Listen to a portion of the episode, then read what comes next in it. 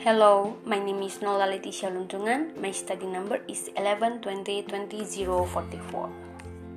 So, the topic I brought up for my speech was related to trees. As we know, that trees are oxygen producer and trees are also one of the source of life for living things.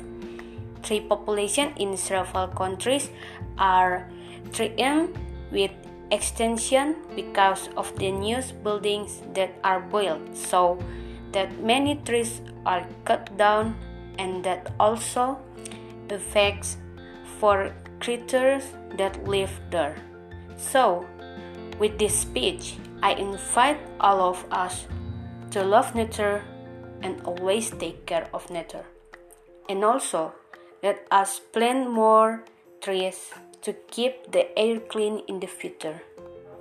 That's all for me. Thank you.